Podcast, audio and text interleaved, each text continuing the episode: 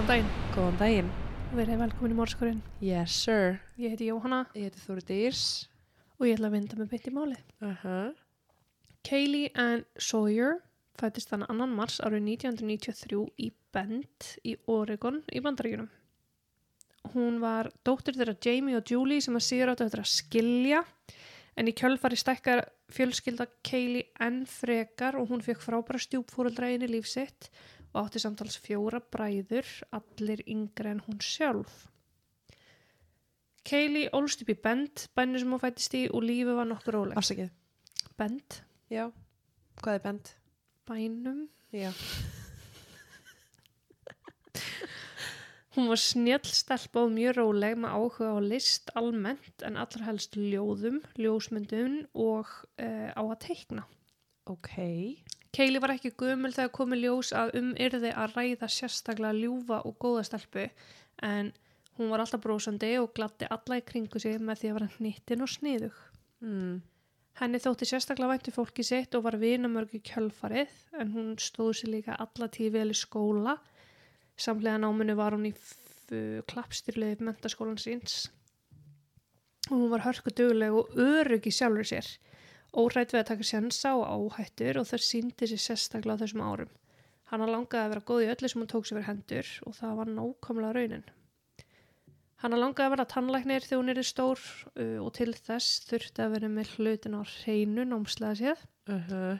Hún sótti háskóla eftir að mentaskólanámi hennar lauk og kaus hún að ganga í Central Orange háskólan. Þar sem hún ætlaði að klára viðandi nám til að fara síðar í tannlæknin. Árið 2016 var hún 23 ára gummul, syndi náminu af kappi, vann sem aðstofamaði tannlæknis á tannlæknistofu og átti orðið kærasta nafni Cameron. Mm. Þau hefðu verið að deyta í tvö ár og Kaylee var í yngum vafa um að Cameron væri stóra ástin í lífinar. En Cameron var góður strákur, góði við hana, bræðurinnar og fóruldra og var að þessi strákur sem voru öllum líkaði vel við. Þau voru alveg svaka lástfangin og rættu reglulega um framtíð sína saman en planið var að trúlaðast og síðar gifta sig. Hvað var hún gömul þannig? 23 ára. Já. Þau byggu orðið saman í íbúð nálagt skólasvæðinu sem var afar heppilegt. Þarna í kring byggu allir vinir þeirra. Stutt var að fara flest hvort sem að vera í skólan, vinnu eða kíkja þessu út á lífið. Það var með 23. júli árið 2016 sem að Kaylee var viðstödd gæsunar partí vinkonu sinnar og búið var að vera mikið fjör og mikið gaman. Eftir einhverja dagskrá ákvæði vinkonunar að kíkja nokkra bari en gæsuninni hafði verið lokið bara um tíu þetta kvöld Ok. og það er vinkonur ynga veginn búin að fá útrásna þar vildu fara að dansa. Skiljalega. Eðla. Kaylee drakk drikki á þeim stöðu sem hún fór á og var samkvæmt vittnum orðin alveg drukkin. Mm. Góð vísbending um það var að það var eitthvað strákur fann að gefa svo tal við hana og hún verandi vinalega almennt en drukkin í ofanalag. Þá síndun þá síndi hún honum áhuga eða minnst okkur talaði við hann á móti. Ok. Vinkonum hennar listi ekkert alltaf vel á aðstæður og ákveða að senda kameran kærastan hennar, kærasta hennar SMS um að það væri eitthvað gaur að reyna með hana, Kaylee, og að hún væri drukkin.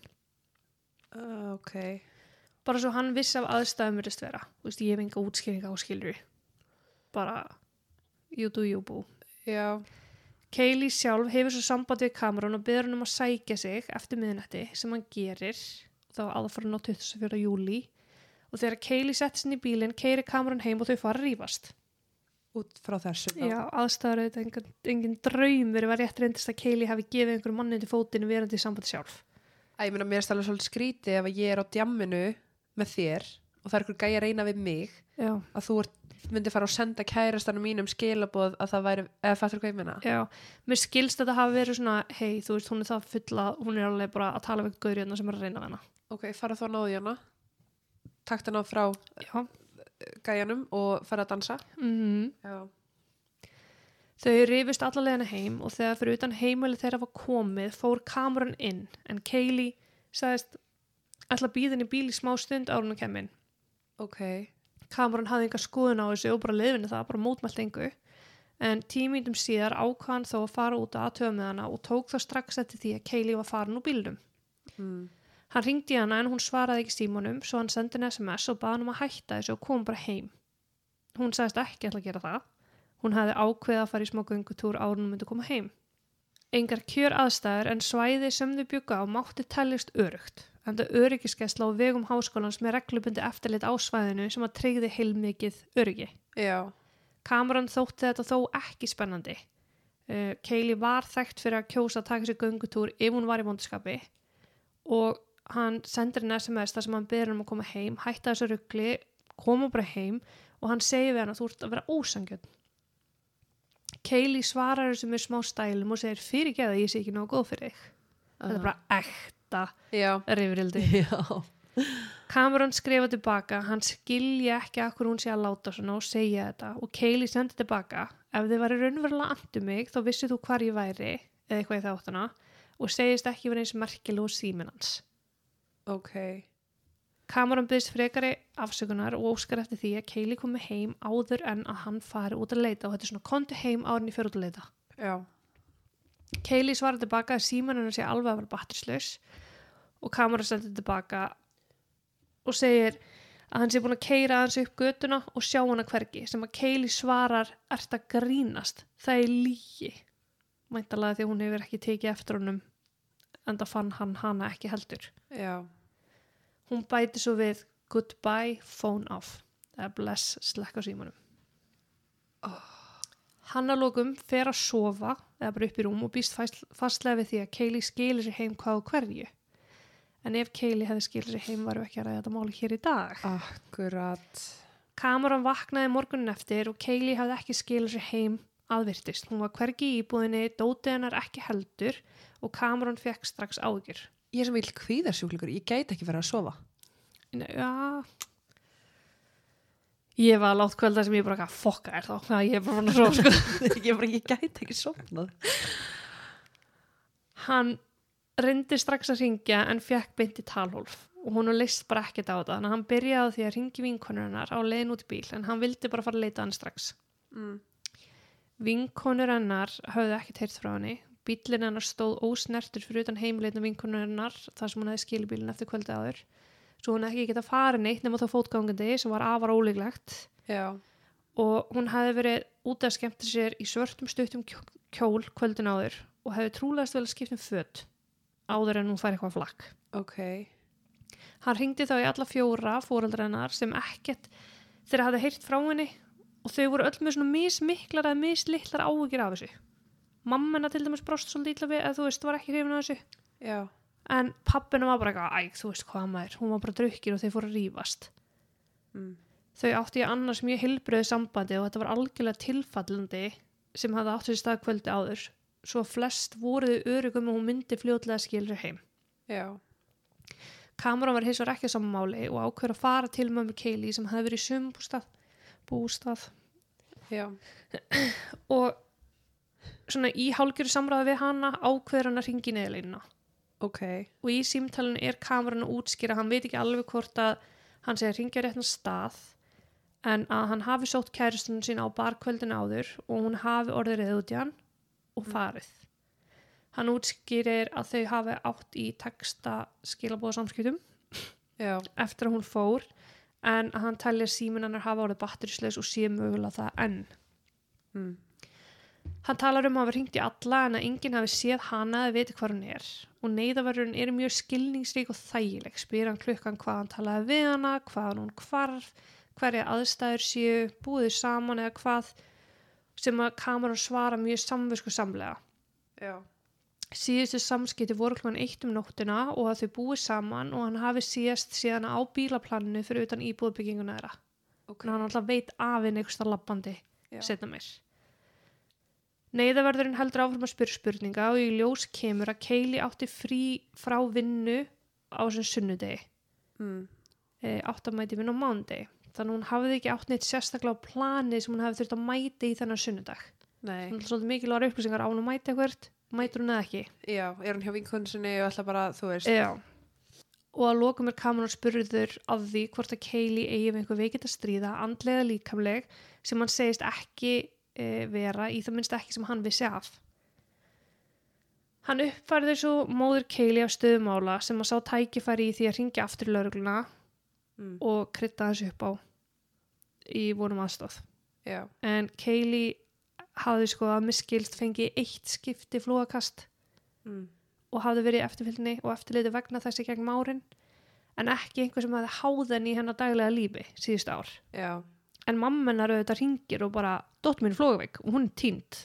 og henni Hvað var að gera? sín. Já, nákvæmlega. já, Uh, þetta var sagt gert þess að gulltryggja það að laurugla myndi leggja meira á til þess að leita. En það var nú ekki alveg raunin en á meðan móðir Keili samfara lauruglu var fjölskylda Keili sem og vinir að sinna sinni eiginu leit og áfram heldur allar að reyna að ná á hana í gegnum síma.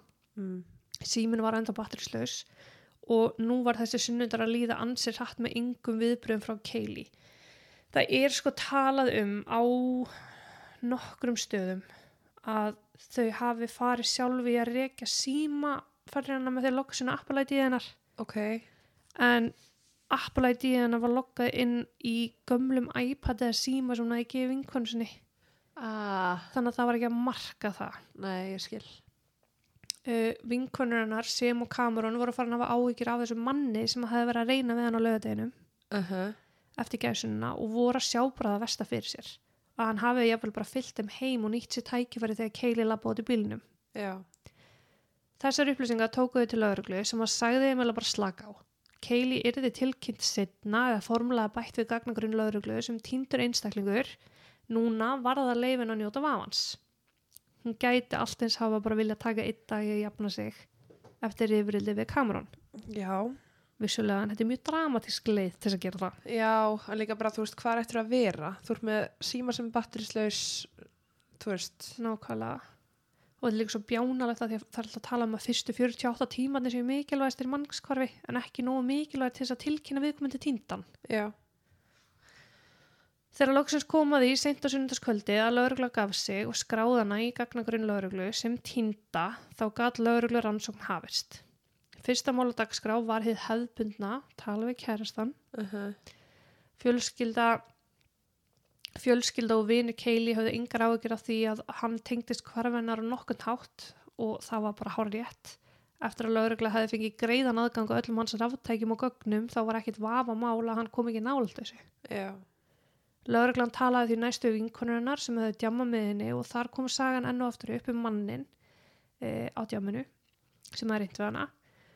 Og lögreglan kemst að því hans er fljótt hver það, haf, hver haf, þessust, það hefði verið og hann er fengið yfirreyslur og það kom fljótt ljós líka þar að sá var bara gaur á djaminu sem að fannst Keili myndaleg og vildi reyna að tala við hana. Uh -huh. hann hafði enga tengingu við málið umfram það bara óheflu tími fyrir hann að var reynd við hana. Já, Á meðan lauruglan talaði við vittni og gruna var rannsóknadeild að skoða farsímagögnin hennar og reykja ferðar hennar með þeim. Og það hefði komandi ljós að það var ekki að marka. já, Lauruglan hafði svona nokkuð niður reynt að standa þess á bremsinu því þeir voru bara vonast eftir að Keili hafi bara ekki nefnt að takast á veðstæður mm og hún myndi mæta feski vinnu á mándagsmorgun. Uh, það gerist ekki. Hún mætti ekki til vinnu sem var afar óvunulegt. Ung kona Isabel Lara vaknaði eða Lára Isabel Lára vaknaði þennan mándagsmorgun og uppliði líka ansi óvunnilegar samræður við eigimann sinn og fór í kjölfæri raglæðist til lauruglu með upplýsingar sem átti eftir að reynast afar dýrmætar. ok Ísabel Lára var þrítug lauruglukona gift öryggisverðunum Edvan Lara sem að starfaði reglulega sem nætuvörður á skólasvæði háskólans sem að keili gekk við eh, en líka á svæðinu þar sem hún bjó og þaðan sem hún hafði horfið. ok, Edvin hafði komið heim eftir nætuvægt eldsnama sundarsmotni, lagt sig aðeins og farið svo í kirkju með Ísabel. Alla bílferðina var Edvin að sögn Ísabel afar þögull en samt yrðalaus. Hann hafði ekki kistan á knúsaðan á þennan morgun, lítið ekki fyrir spjall og var mjög fjarlægur. uh, Hún reyndi að spyrja hann hvað var í gangi en hann sagði að það var ekkert í gangi og Ísabel skrifaði þetta bara svolítið í vinnu. Hann var á nættöktum, það var mikið að gera, hann var þreyttur, uh, þurfti að rífa svo á fætur og sundi þetta sem mætti kirkju. En eftir kirkju skruppuðu á Pizza Hut þar sem þau fenguð sér áður en þau fóru heim og horfðu sem á Netflix. Ísabel fannst hann verið eitthvað að koma til en fann samt nokkur atriði ennþá svolítið fyrðuleg. Verandi lögruglukona þá var hún einhvern veginn alltaf að pæla og spekulara með varan á. skiljalega Edvin hafði verið mjög flóttalegur. Hann hefði kyrt allan sunnudaginn hversum þau fóru með opin glugga á bílunum alla glugga á smá opna Af hverju? nákvæmlega. Eða þú veist hvað, erum með glugga að opna, hvað ætlar að hoppa út eða? nei, bara litla rifur, bara eins og hann var að lofta þú veist um í bílunum skilur Ah, og hún hefði spurt hann bara af hverju þetta aðeins og hann bara eitthvað að bara mér er heitt. Mm. það var ekkert eitthvað, þú veist, þú voru ekkert að dreifast að hita. Já, en hún vildi samt ekki loka glukkunum hún hefði marg spurt hann hvað væri í gangi með hann? Og hann sagðist bara vilja ræða þetta daginn eftir. Ok. Ísabel hefur sjálfsagt verið með hnút í maganum yfir hvað hann ætlaði að segja henni en Edvin hefði áður gerst segur um að halda fram hjá eiginkonsinni með konu í Kaliforníu. Uh, þar sem hann uh, var tíðu gestur af að fjölskyldan hans bjóðar já, en þegar þau vöknuðu morgun eftir hefur Ísabel sjálfsagt óska sér að það hefur verið máli en Edvin fór á fætur á mándagsmotni og sagði konun sinni frá því að hann hafi lent í slisi aðfara nótt sundagsins þar sem hann hefði kyrt og unga konu mm. Hann sagðist að panika í kjölfari og fali líkanar sem að nú útskýrði af hverju hann hefði kyrt um allan sundaginn með opna glugga. Sjálfsagt verið að reyna að hilma yfir einhverja lykt sem hann var hrættur um að myndi finnast. Ekki var hann ennþá í skottinu? Nei, nei. Nei. Ísabel verundi lögreglakonan gæti ekki skilið af hverju hann myndi fela líki ef þetta hefði verið slis. Uh -huh. Og Edvin var ekki tilbúin til að útskýra það neitt frekar. Hann hins vegar tók byssunarnar Ísabel, lögregluvopnið hennar, í algjörleifisleysi uh, settist inn í vinnubíl sinn og kerðast það vinnubílinn leit svolítið út frá að vera lauruglubíl Ok. Ísabel var strax gríðalega áhugifyllt hvað geti verið framöndan og ákvað því að fara sjálf til lauruglu þangað sem hún var mætt rétt fyrir kl. 12 á háti mánudaginn 25. júli Já. Laurugla skildi áhyggjuna vel og ákvaða að beina rannsókninni á hvarfi keili í þessa átt í átt að Edvin Uh -huh. Laurugla sendi strax teima af rannsóknlauruglu sem og rannsókna teimi til að leita á heimili Lára hjónuna, eitthvað sem Ísabel hefði gefið grænt ljós á. Já. Í bakari hjónuna var lítill skúr, skúr sem Ísabel var lítið að pæli og fór aldrei inn í, enda skúrin í eigu mannsinsannar og Mm. hennar bara slett sama. Já. Þar inni fannst póki með munum, grænni tösku, handtösku sem var blóðug og ofinn töskinu voru kort og skilriki. Skilrikin voru í eigu hérna 23 ára gamlu keili. Uh. Ofan í pókanum fannst svo ljóst uh, hár, blóðut ljóst hár og ekki eintölu, það er sko að tala um clumps of blonde hair. Ói, eins og það hefur bara verið tek, já, ok. Já. Og svo grjót sem var líka blóðugt. Að það slísið. Mm. Já. Þarna vaknaði strax gruninu um að Edvin hafi kannski ekki alveg sagt, sagt, sagt satt og rétt frá en það er engin ástæð til þess að vera með blóðugt grjót í póka ef hann keirði á keili eins og hann sagðist hafa gert. Ekki nema hann hafi verið bara að fullvisa sig um hún verið látin eftir á, Mm. sem hann segir og glæðan hafi gert. Lögregla breytir rannsókninni þá þegar hún mannskvarfs rannsókn í morðarrannsókn. Saga Edvins var til staðar og núna sönnungögn sem stutti þá kenningu að Keili væri trúlega slátin. Uh -huh. Fjölskylda Keili var látin vita sem var reynd eftir bestu getu að halda í þá litlu von sem þau áttu uh, að Keili væri slösuð en þó enn á lífi. Já. Lögreglan þóttist nokkuð vissum það að Edvin hafi myrt og hafi alltaf ætlað að myrða en inn í skúrnum fannst plaggat af og bara blöðu upp á öllum veggjum um, af uh, raðmóringinum Railroad Killer. Ok. Sá var raðmóringi sem að myrti eins og hann gatt á tíund áratögnum. Hann ferðast á milli með lest viðsveðar um bæði bandaríkjunum Mexiko og myrta minnst okkur 15 manns. Sorry, en lauruglu konan hans, var hún ekkert eitthvað, mm, getur þú fundið þér hana áhuga mál, heldur hann að hafa raðmúringi hann upp á? Og hún, bara, hún hefði bara ekki hugmynd um hvað var henni í þessu skúr sko. Ok, og ég get alveg skila, ég til dæmis kikið inn í geimstunum mér á tveisur ári sko. já.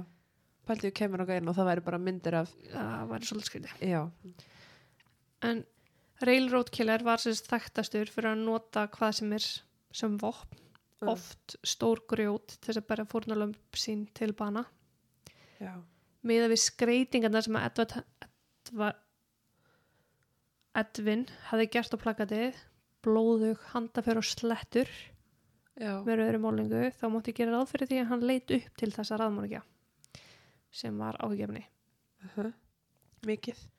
Ísabel var spurð að því hvernig maður Edvin var, hvort hann væri óbyldsfullur eða eitthvað slíkt og hún vildi meina ekki að hann væri meira þess að hættur að drekka og hún líka að þau hafi snúið sér að trúnni eftir að uppkomustum fram í aldrei hans árunum áður. Hún talaði um að hann, haf, hann haf, hefði alltaf verið góð maður þau hefði eitt miklum tíma saman eftir að fram í aldrei komst upp. Hún hefði til dæmis verið mikið með hann með vinnunni uh, og hann væri bara svolítið svona pælari. Hann væri til dæmis búin að keira flesta vegi í Oregon, sérstaklega í kringum bend Já. bæinn sem þú voru í Mm. hann kunni bara allt svæðið utan af og var svona hún var bara líst sig fyrir eitthvað ljúfum manni en hún vissi ekki að Edvin síndi að sér allt, allt aðra hliðar þegar hann var ekki innan vekja heimilisins Já. þegar lauruglan fór að tala við samstarfsfélag hans kom í ljós að hann var bara fáránlega óviðjandi dónalögur og fyrir eitthvað tæpur Mm. hann talaði mikið um morð hvernig væri að myrða og var eitthvað þráhyggi yfir myndum af látnu fólki sem hefði verið myrt Já. sem að stemdi við myndinar sem voru í skúrnum Uh að því hann var með útprentaði myndir af uh, fórunalömpum þessa railroad killers. Ok. hann var ennþá að halda fram hjá sinni og átti myndefni því til stuðnings á símanu sínum sem hann hikaði ekki við að sína samstarfsfélögu sínum. Eitthvað sem var til þess að hvern samstarfsfélagar hans ósku eftir því að vera aldrei einar með hann með bíl Já. Samanlega. af hverju er þetta öryggisvörður? Mm, maður spyr sig. Mm. En líka bara þú ert, þú ert giftur lauruglukonu. Uh -huh. Lögreglan sem taldi sem nú vera að leita líki Keili var svolítið óróttu vitandi þessar upplýsingar sem Ísabel hefði talað um að Edvin þekkti alla vegi bendsvæðisins og væri búin að kynna sér allt svæði rosalega vel. Já. Þetta þýtti ég vel það að hann væri með einhvern agalega sniðuðan stað til þess að fela lík Uh -huh. sem átti óneitanlega eftir að flækja rannsóknuna sem og leitina að líkinu. Já. Áfram leitaði lögreglan og kom fljótt í ljós að Edvin var trúlega slagur á flótta. Já, mér finnst það ekki skrítið. Nei, hann vissi það náttúrulega bara konunars myndi fara til lögreglu. Mér finnst hann bara vera heimskur að hafa sagt henni frá þessu til að byrja með. Já, Af hverju sagði hann ekki bara, uh, ég skrítin að því ég er að halda fram með þér? Já. Í staðan fyrir að segja hann að hann, það hefur verið slis. og bara aðjós, ég farin til Kaliforni að lifa góða lífinu. Með ko nýju konu minni, verður blessuð. Hann hefði komist upp með þetta þá. Já. Edvin gerði sér uh, fyllilega grein fyrir því að hann var segur um glæp. Í vestafalli sá lögreglega í gegnum sögun hans og vissi að hann hefði myrt Keili. Mm Í bestafalli er þann ákjærður fyrir að fela lík og flýja. Já, Það voru engir sigrar þarna, það voru bara töp. akkurat. Hann var segur um glæp sama hvað. Hann greip til örþrif að ráða og lagði á flótta eins og lögreglega hefði grunað en hann lét sér það ekki duga. Klukkan kortir í nýju mándaskvöldið var Edvin komin yfir í næstu síslu þar sem hann var að keira um í bænum Salem, Salem þegar hann tók eftir verslunni Ross. Hann lagði þar á bílstæði og var svona að fylgjast með fólki Ah. Tók eftir því að ung kona var að ganga út úr verslunni. Unga konan var Andre, Andrea sem hefði lokið vakt sinni þetta kvöld. Hún hefði gengið að bílinu sinum grunlaus um að Edvin væri að fylgjast með henni.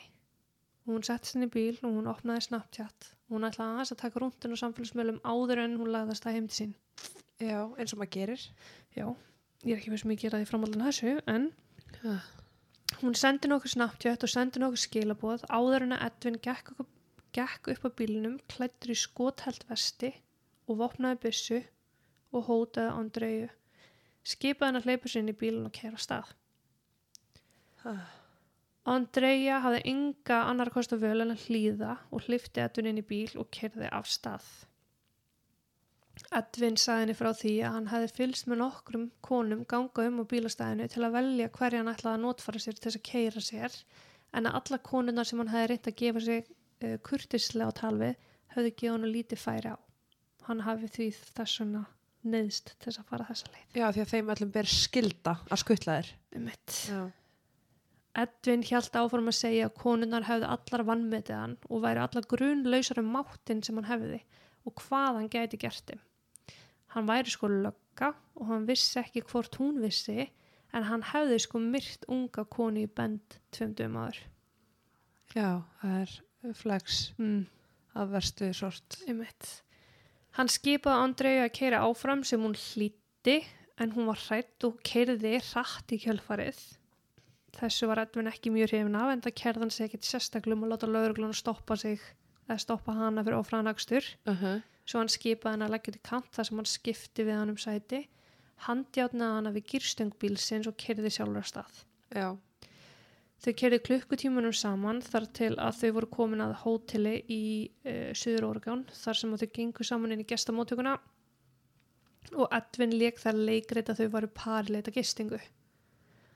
Andrei hafði ábrendi verið útgrátin en tók þátt í þessum leikþætti og starfsmannum grunaði ekki neitt, seldi þeim bara einu nóttu herbyggi og kvatti.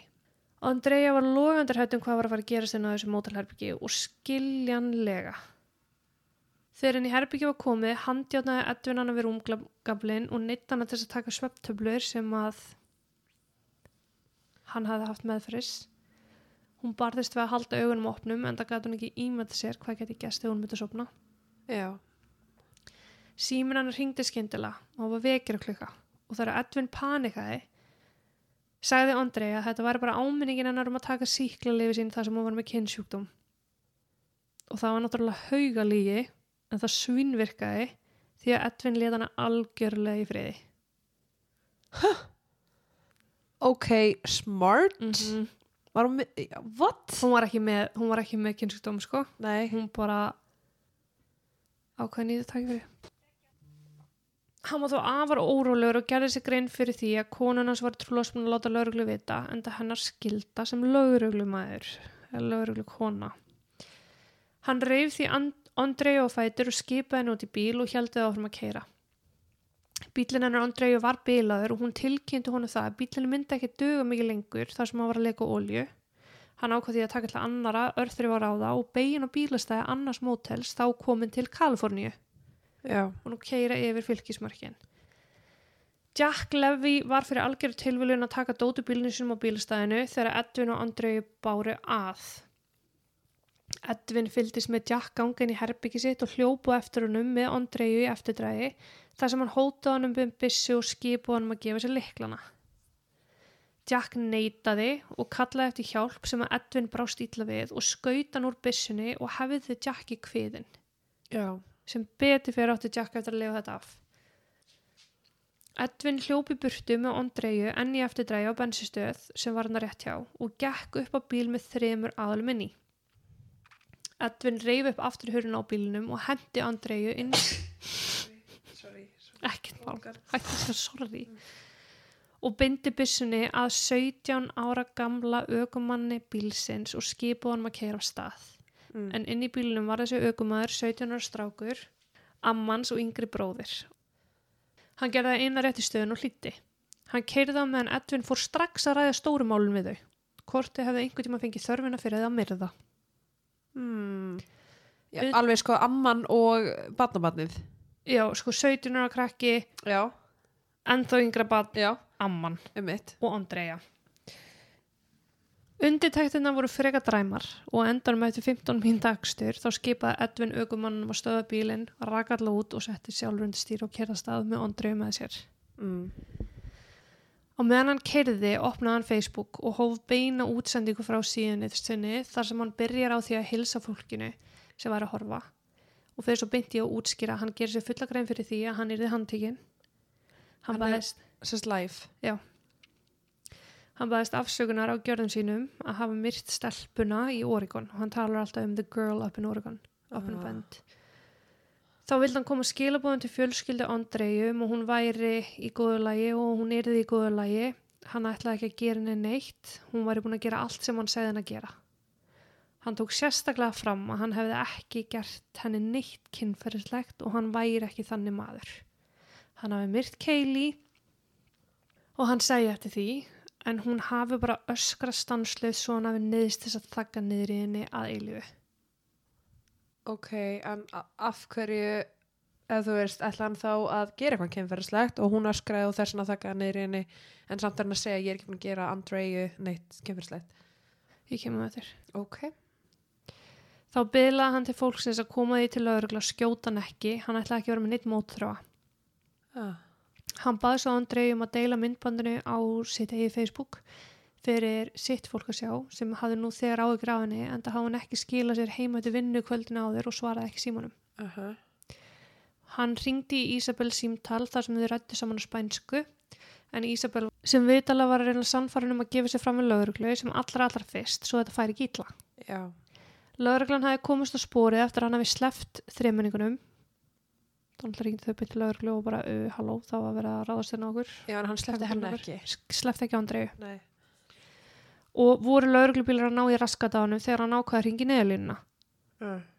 Hann kynnti sig sem Edvin Lára og sagðist vera maðurinn á þjóðvið 5 sem var að keira off-sakstri. Ok. Hann sagðist vita að lauruglan væri á eftir sér því hann hafði orðið var við þyrlu sveimandi yfir þeim síðustu mínunar en það hafði lauruglan vissulega sendt aftur um þyrlu og lið lauruglu bíla. Já.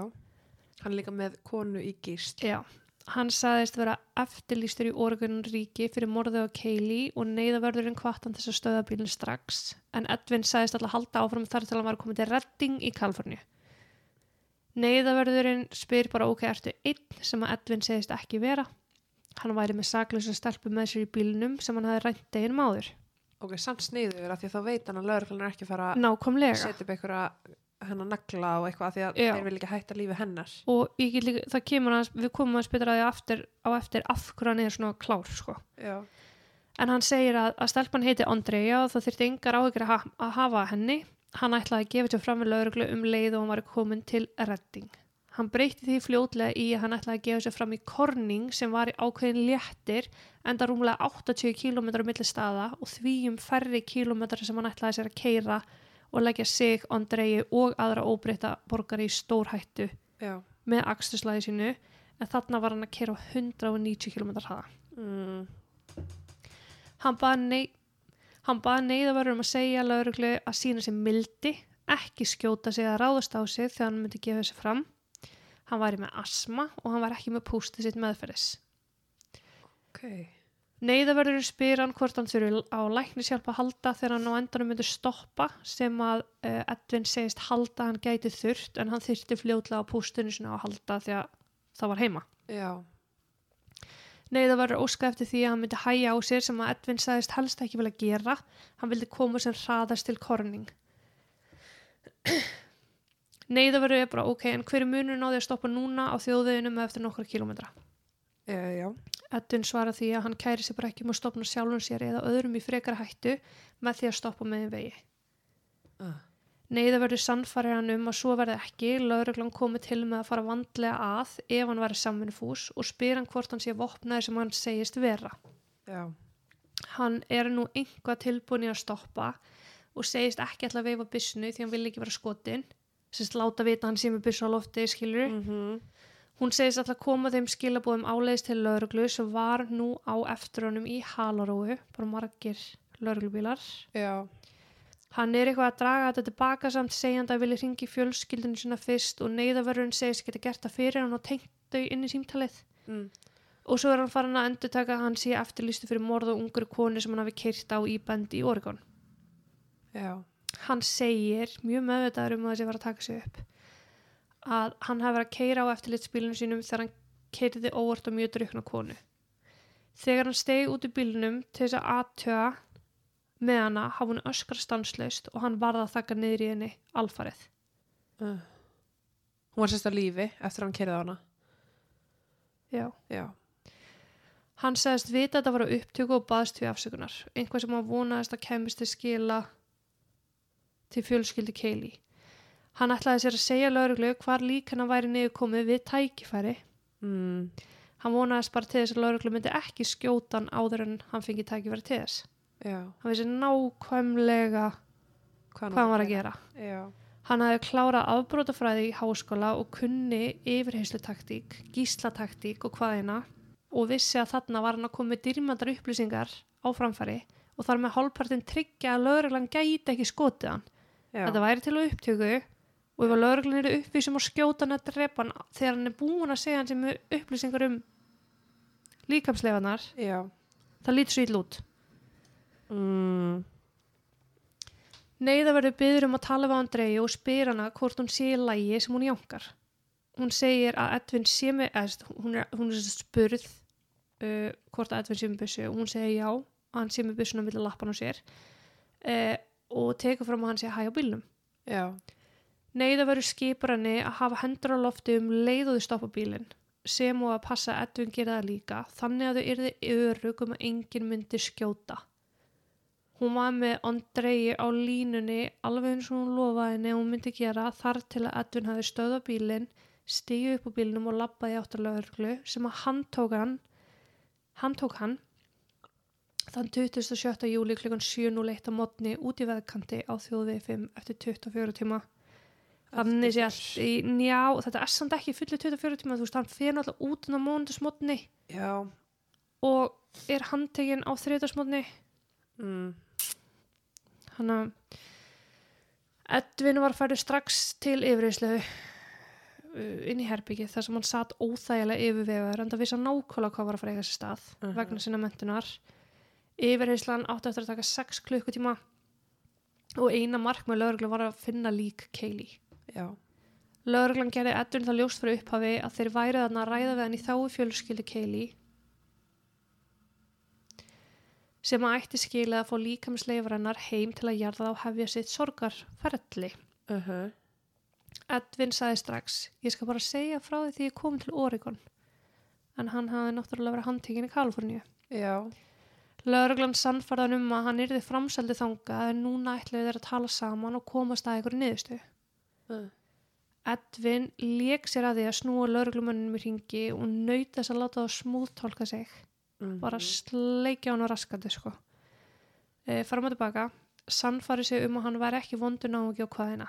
hann er alltaf með yfirhöndina. Í alla í frönduna, sko.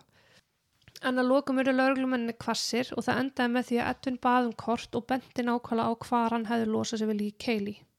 Mm,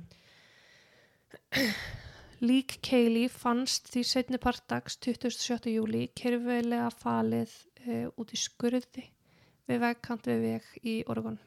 já, Það var ljóst strax að Edvin hafði ekki bara kyrt á Kaylee og kyrt hana til þess að þakka niður í henni að eilifu eins og hann hafði haldið fram í yfirauslum. Kaylee hefði verið barinn oft í höfu og andlit sem og allan líkamann með grjóti úr sko sí endur tekið. Oh. Banamein voru höfuð áverkar.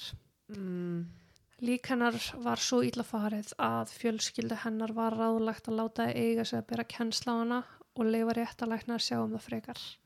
Eins var þeim ráðlagt að skoða ekki myndur og krupningu sem þeim hefði annars verið uh, staðið búa. e, já, skiljalega. Það fór svo sem ekkert um milli mála að Edvin var morðingi Kaylee en lögreglu þurfti sann sönnunagögnin því til stuðnings og þannig er yfirherslanirun ennþá í gangi sama og þessi sex tíma yfirhersla sem ég talaði um. Já, Uh, öll sönnungögn og mikið kapp hefði verið lagt í að finna bílinan sem hann hefði skilið eftir fyrir utan Ross þegar hann rændi Andreu. uh Þegar, hann, uh, þegar bílinn fannst komu ljós þrýr miðar sem hann hefði skrifað á, sagt, á einum stóð staðurinn sem ég myrt hana á er á B12 bílastæðinu. ok, Á öðrum og þriðja stóð þessi miði er til að segja mér þykir leitt af að tekja lífinar to her dad, I'm sorry to her mom. Uh, Nei, to her dad, I'm sorry to her mom, I'm sorry it was an accident. Það er bara til fóröldrarnar uppist Já. afsökunar. Þetta var slis já, uh, hann segir I had to silence her, my intentions were not forever. Ég var uh, að þakki henni en ætlinin var ekki að gera það eilu já, Svo segir hann til eiginkonu minnar uh, fyrirgjáðu, ég mun alltaf elska þig. Uh. Við yfirislunar uh, reyndan að halda auðvitað ákveðinu sagleysi. Hann óvart kyrða hana þegar hann var að taka öryggisrúndi sinn, segir þess að hann hafi ekki verið að pæla í, aðstæðum, já, þess bara umhverfinu bara. umhverfinu, já, Já, og að hún hafi trúlega styrir labbegstar og hann svona rétt bömpar hana. ok, segðu sér, fyrirgefðu þau skilur og bara, maður skullar heim. Já. Um, hann kemur með mjög margar útgáfur af þessari sögu en lögreglan pressar á hann og trúði sögun alls ekki og sögðan bara hafi verið á rúndinu með eitt í huga að finna sér bráð. Uh, já, Eddun verandi eins og hann var var bara eitthvað strákar ég veit sko nákvæmlega hvað að tala um og það meikar alveg sens að það er samt ekki svoleiðis uh, og á endanum sagði hann að hann vissulega rétt bömpaði utan í hana, fór út í bílnum, Keili öskraði, hann skipaði henni inn í bíl, tók af henni veski, tók af henni síman, en hann sagðist það var reynd að taka af henni síman þess að hún myndi ekki ringi neðalínna þegar þá myndi þetta lítið svo ítl út fyrir hann. Já. Hann nefnilega átti það til að kynna sér sem lauruglu, Ah, en hann hafði áður sagt að hann hafi rænt Andrea því hún leit út frá veikburða, Andrea sem var með honum á flóttanum. Kaylee var grönn og smágerð og í augum Edvin örgulega veikburða og auðveld skotmark. Mm Og lauruglan sagði hann hafa valið hann út af því, af því hann vildi ræninni og drepa auðvelda bráð. Já. Hann hafði einni mist út í sér að hann hafði haldið að Kaylee væri vendiskona sem bara gerði lauruglega reyða og í loka ræðinni sem að lauruglumann bara les yfir hann þá er það bara það sem þú taldi vera vendiskona auðveld bráð var í raun algjör yngil í mannsmynd augasteitt fóreldri sinna og tilgangur lífstæra badnið sem þau lögðu allt í að upp og nú er hún farin Já. og Edvin svona hvort að þetta hafi verið svona loka höggið í því að hann gaf sig uh, veitum við ekki en hann segir að lokum að hann hafi bara stuð þess að þörf að vilja drepa í mörg ár allt sitt líf taldi hann jafnvel Mm. hann sagðist koma til með að öllu sínu lífi að beðast afsökunar uh, Keili, fjölskyldanar og vini og guði beða það allt afsökunar Já. og hann skrifa niður yfirlýsingu sem hann lesi upp og þar var málið bara klappað og klárt en í yfirlýsingunni þá segir hann að hann hafi haldið að Kaylee væri vændiskona Ah. stoppaði fyrir henni stegi út í bílnum bauði henni pening gegn kynlífi sem hún áþakkaði en neitaði og brást ítla við. Hann hafi þá rifað henni töskuna skipaði henni inn í bíl væntalega því að hún hefði getið tilkynnt bara herrið það er einhver öryggisverður lauruglumar hérna að Að reyna mig að um kaupa já. kynlíf á mér. En hann skipur henni inn í bíl þar sem hann kyrt hana þar til hún misti meðvendund hún Já. deyr ekki, hún missi meðvendund hann keirði þá með hann á afskekta staðinn þar sem hann líki hennar sér fannst en Kaylee hafði rankað við sér þegar þangað var komið og hún öskraði og öskraði og öskraði þess að reyna að vekja aðtikla á sér án þess að gera sér jafnvel einhverja grein fyrir því og hún var lengst út í raskandi sko. Uh Edvin uh, fór í afturstötu bílsins, kyrt hann aftur þar til hann misti meðutund. Hann lét það þó sér ekki duga og tók upp stein og barð hann að sí endur tekið með hann þar til hann lést og miklu lengur en hann þurfti. Og hann sem satt bömpaði aldrei á hana. Nei. Nei. Hann fór svo á campus þar sem hann þreif sig og lauk vakt sinni áður en hann fór heim eins og ekkert hafi ískorist. Hann skrifaði til fóreldra Kaylee uh, í þessari yfirlýsingu sem hann Mm. lesi upp uh, þar sem hann byggðist innilegra afsökunar sem og starfstjætt sinni þar sem hann vildi ekki sín mistök myndi lita starfsmenn hans eða hans starfstjætt. Þú veist, bara því ég vondur öryggismæri því það ekki allir sem ég vinn með eru vondur öryggismenn. Nei. Uh, hann sagði sig bara að vera vondan mann sem gerði vondan hluti en því miður lögreglan var að hafa svo fljóta á sér og það var ekki lögmaður viðstættur Þegar hann játaði þetta. eða búið bjóðun lögmann eða neitt Oh! þannig að það þurfti að afskrifa þessa játningu þar sem að Edvin hafði ekki verið með lögmann með sér en sönnunagögnu töluði sínum máli og hann, hann játaði sagt sínum gróft morð sko. Það er bara þessi yfirlýsing var ekki til nótkunar Nei. Í Það sem hann er að lýsa bara yf, að þetta var að yfirsettur á því. Já, þú veist það, þetta var náttúrulega vita málskilur það mátt bara ekki nota þetta í réttarhöldunum e, já, dómsup kvæningun eða því það er bara verið að fara yfir málið Já. áður en að dómur er kveðin um, fyrirtökum málsins heitir þetta vist Já. en hann, já, játar sagt sínum gróft morð og rán og hann er dæmdur til lífstega fangelsis án möguleika reynslaust síðar meir er hann ákjærður fyrir mannránið í tengslu við Andreju Já. og ég er svo fegin hann hafi fengið dóm fyrir það en hann fekk annar lífstíðadóm þar Mm. um, ég er fegin að hún hafi fengið það réttlæti því getur þú ímyndaði hvers konar áhrif þetta hefur haft á hana Ég get ekki ímyndað mér sko. Ég get Nei. ekki sett í hennar spór. það er bara skelfilegt sko. en í kjölfra af þessu eins og, eins og ég sagði henni í upphæði málsins hún bjó á svæði þar sem hún taldi sig við örygga að því að það var öryggis varsla, öryggis gesla 24-7 Þú veist, til hvers er örgiskersla að þú ert ekki örgur? nákvæmlega Kaylee's Law Já. sér til þess að eins og í Mæjasla law uh, sem ég var með um daginn að hver sem er fær ekki vera öryggisverður á svona stað Já. hann var vissulega með góða mentun og hann var góða kandidat en hann var búin að sína merkjum að vera óþælur hann var búin að tala um skrýtna hluti í kringum að drepa. Hann var búin að áreita konum með þeir sína um óveðandi myndbönd og myndir. Já. þetta er ekki maður sem á að sinna öryggiskeslu á háskólasvæði sko. Nei, voru hérna merkingum breytt á bílunum þannig að hann myndi ekki geta komist upp með að segja stráð löglumær og ég Já. veit ekki hvort þetta hafi verið svona bara óauðkendu þú veist bara með ljósum eða eitthvað sem var til þess að hann gatt sagst vera löglumær að komast upp með það skilur en hann gerði þetta bara grimt ég meina hann getur keift þetta drasla á eBay og setta bílið sinn sko, en þetta er svo skelvilegt sko líka bara því hún rífst við kærast sinn og þetta enda svona. Ég, ég var sko í byrjun að hugsa bara eitthvað að hann hafi verið með síman hennar bara að svara sjálfu sér Já, já, það er alltaf, við höfum alveg örgulega tekið svolítið smál. Já. En þetta er svo, oh, Mér finnst bara að vera svo mikið um það að sem sagt, öryggisverðir já, misnota vald sitt. Já, en ég minna að þú veist það er líka að því þetta er sko þú ert að gangi gegnum mikið til að vera lögreglumæður þú ert að fara náttúrulega í skóla uh Mhm. nám og svo ert að fara í verklegt nám, sitja námskeiðin og eitthvað. En að vera öryggisverður þú ert í raun bara þeir veitt starfið. Já, það er engin, þú veist, þú fer kannski á okkur námskeið en það er engin svona hömlur þryggja ára námið eitthvað þannig. Nei, þannig að það er svo auðvelt fyrir þessa aðila að því að það treysta þér allir. Já. En það er líka eins og í hans tilfelli, hann er ráðinn, hann er ráðinn með góðra samvisku af því hann er með þetta lögur, hann er með criminal justice sem að þarf í mörgu tilfelli til þess að vera lögurlumæður, mm -hmm. er orðlegt út í bandaríkunum. oh God. já spes Og hann er samt bara, og líka af hverju var hann þá bara ekki lögurlumæður? Ef að kona svo lögurlumæður, já, já þá er draumurinn af hverju komst, hvað komst ekki inn tristur þér ekki til þess að því þú vissir og var sjúkur í haustum og varst að díla við þessa hugsanir skilur kæmist þurrgla ekki gegnum hann að andlega hlutan já.